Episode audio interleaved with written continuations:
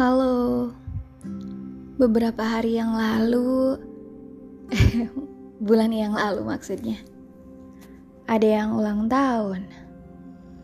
Hmm, ke-28 berarti. Berarti kamu udah tua, guys. Hmm, sebutlah ini deh namanya nggak apa-apa. Wajar kalau aku ngucapinnya di sini. Um, itu Januari pertama dan aku gak bisa ngucapin happy birthday buat kamu. Ya gak bisa aja. Gak boleh beberapa hal yang benar bisa seketika jadi salah namanya juga keadaan, gak bisa kita kendalikan. Selamat ulang tahun tokoh kesayanganku. Semua yang baik kusemogakan. Sekarang, aku cuma ingin kamu sehat selalu. Karena kalau soal bahagia, sudah ada orang lain yang menjaminnya. Happy birthday. Aku nggak mau terlalu sedih. Ya walau semenjak kamu pergi, aku selalu mengizinkan perasaanku untuk merasakan apa pun yang dia mau. Tapi enggak aku Aku sedang tidak ingin sedih sekarang. Hmm. Beberapa orang sering banget nanya ke aku. Dan mungkin pertanyaan ini udah umum. Gini pertanyaannya. Kamu lebih milih mencintai atau dicintai? Kalau kita jawab salah satunya, pasti orang akan bilang, "Ah, omong kosong." Manusia nggak bisa milih salah satu dari dua hal itu. Namanya cinta. Harus ada yang mencintai dan mencintai. Gak mungkin ada manusia di belahan bumi mana pun yang bisa benar-benar nerima salah satu di antara itu. Antara senang karena ingin dicintai atau cukup dengan mencintai. Iya, aku gak bisa bilang itu salah sih, karena emang benar yang namanya manusia pasti pengennya mencintai dan dicintai. Entah apa yang lebih sempurna dari itu, tapi itu jawaban kalau ego kita yang ngomong. Sekarang ya, ketika kamu udah sama orang lain gitu. Kalau dulu yang ada di bayanganku adalah mencintai itu tentang memiliki. Tapi sekarang enggak. Kalian pernah gak sih punya doa yang paling sederhana untuk melihat orang yang kita sayang bahagia. Dari sekian banyak proses di hidupnya, perjuangan jatuh bangunnya, dari seluruh perspektif dan sudut pandang yang selama ini kita lihat,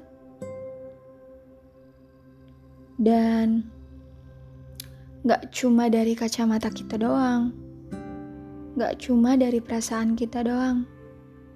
Kita tahu bahwa dia berhak bahagia atas apa pun yang ada di dunia ini.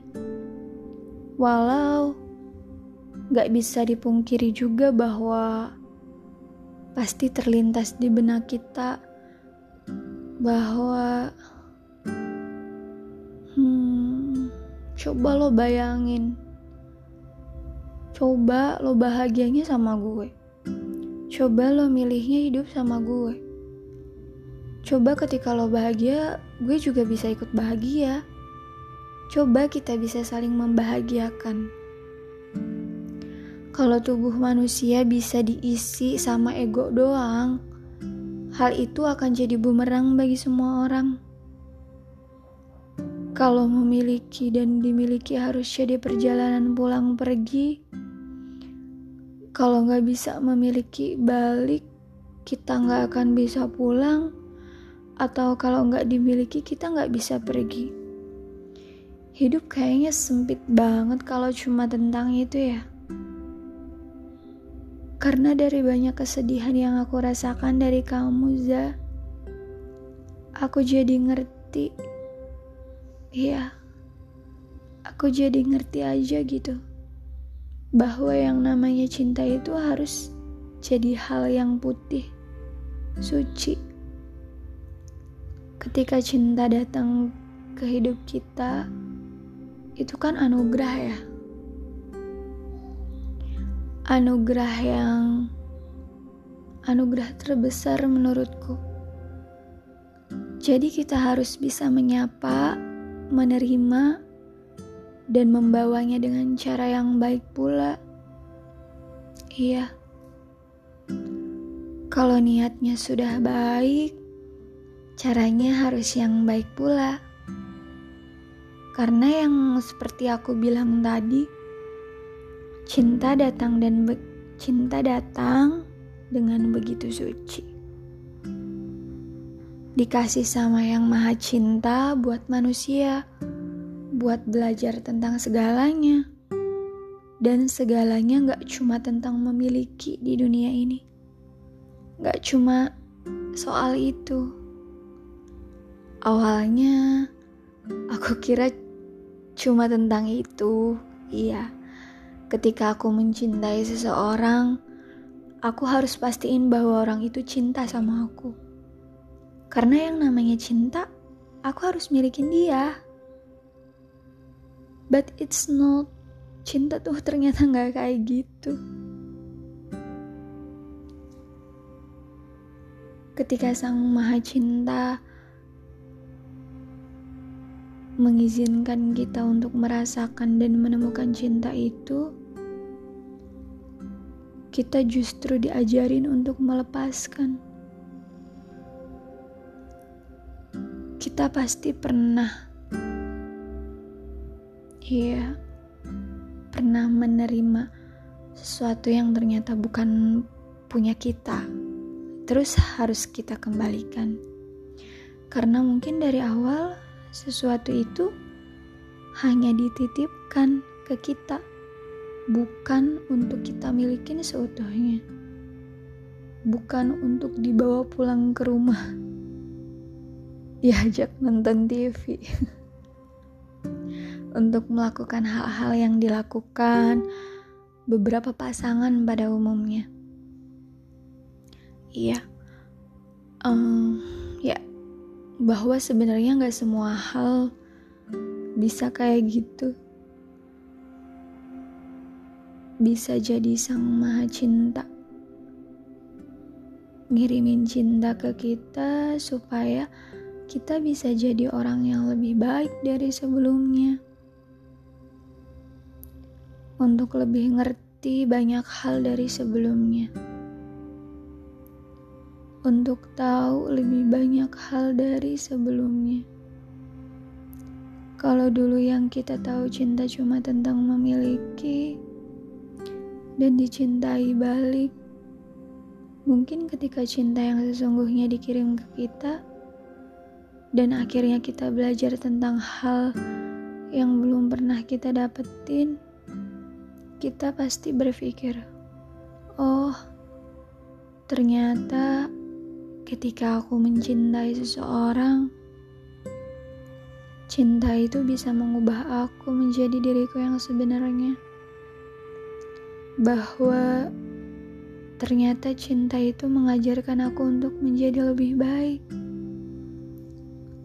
Setidaknya buat diriku sendiri.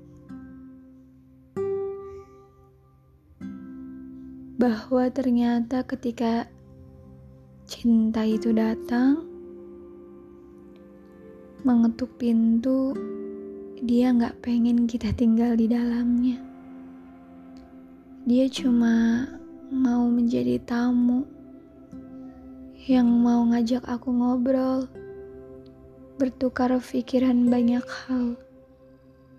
Lalu dia pergi lagi, dan aku gak boleh merasa kehilangan karena ketika aku merasa kehilangan berarti Aku ngerasa aku gak memiliki itu. Jangan sampai ego kita menguasai seluruh hati dan pikiran untuk mencapai satu tujuan yang sebenarnya berupa kesalahan untuk berpikir bahwa pokoknya gimana pun caranya lo punya gue. Karena gue yang bisa mencintai lo dengan baik. Gue yang lebih tahu lo. Gue yang lebih ngerti lo. Enggak. Enggak tahu cinta tuh enggak kayak gitu. Love is you learn to something. Jadi ada banyak sekali cara yang baik untuk merayakan cinta. Kita tuh terkadang terlalu buntu untuk memandang sebuah kasih sayang. Dan kita tuh bukan anak kecil lagi gitu bukan anak kecil yang harus bisa memiliki semua hal yang dia sukai. Jadi, dari hal yang sudah aku lalui, lalu sekarang orangnya hidup sama orang lain. Aku udah gak lagi kepikiran cari cara gimana dia tetap bisa balik ke aku. Gimana aku bisa milikin dia. Enggak. Enggak pernah ada larangan untuk mencintai seseorang yang udah dimiliki sama orang lain. Itu juga enggak. Kamu tetap bisa mencintai dia. Karena yang namanya kasih, sayang, cinta, itu kan gak bisa diatur. Bahkan kita sendiri aja gak bisa mengendalikan itu. Tapi lagi-lagi harus ku bilang bahwa ujung dari kasih sayang gak cuma tentang kepemilikan. Mencintai orang yang memang selalu jadi cerita yang abadi, selalu jadi pasangan yang sejati, dan memang kita selalu bingung untuk mendefinisikan memiliki itu seperti apa. Mungkin kalau buat sebagian orang memiliki itu tentang pulang bareng. Iya. pulang bareng selalu. Ada ketika waktu senang dan susah, selalu ada di samping orang yang kita sayang. Kalau memiliki itu harus tentang selalu sama-sama, kayaknya susah ya. Kayaknya hidup akan sangat menderita kalau istilah memiliki harus dengan kayak gitu. Karena memiliki versi aku sekarang adalah ketika aku bisa melihat dia bahagia dan aku percaya bahwa semesta selalu menjaganya dan mungkin lewat orang yang bukan aku, yang lebih baik dari aku. Iya, kita sebagai manusia bisa apa kalau Tuhan bilangnya enggak?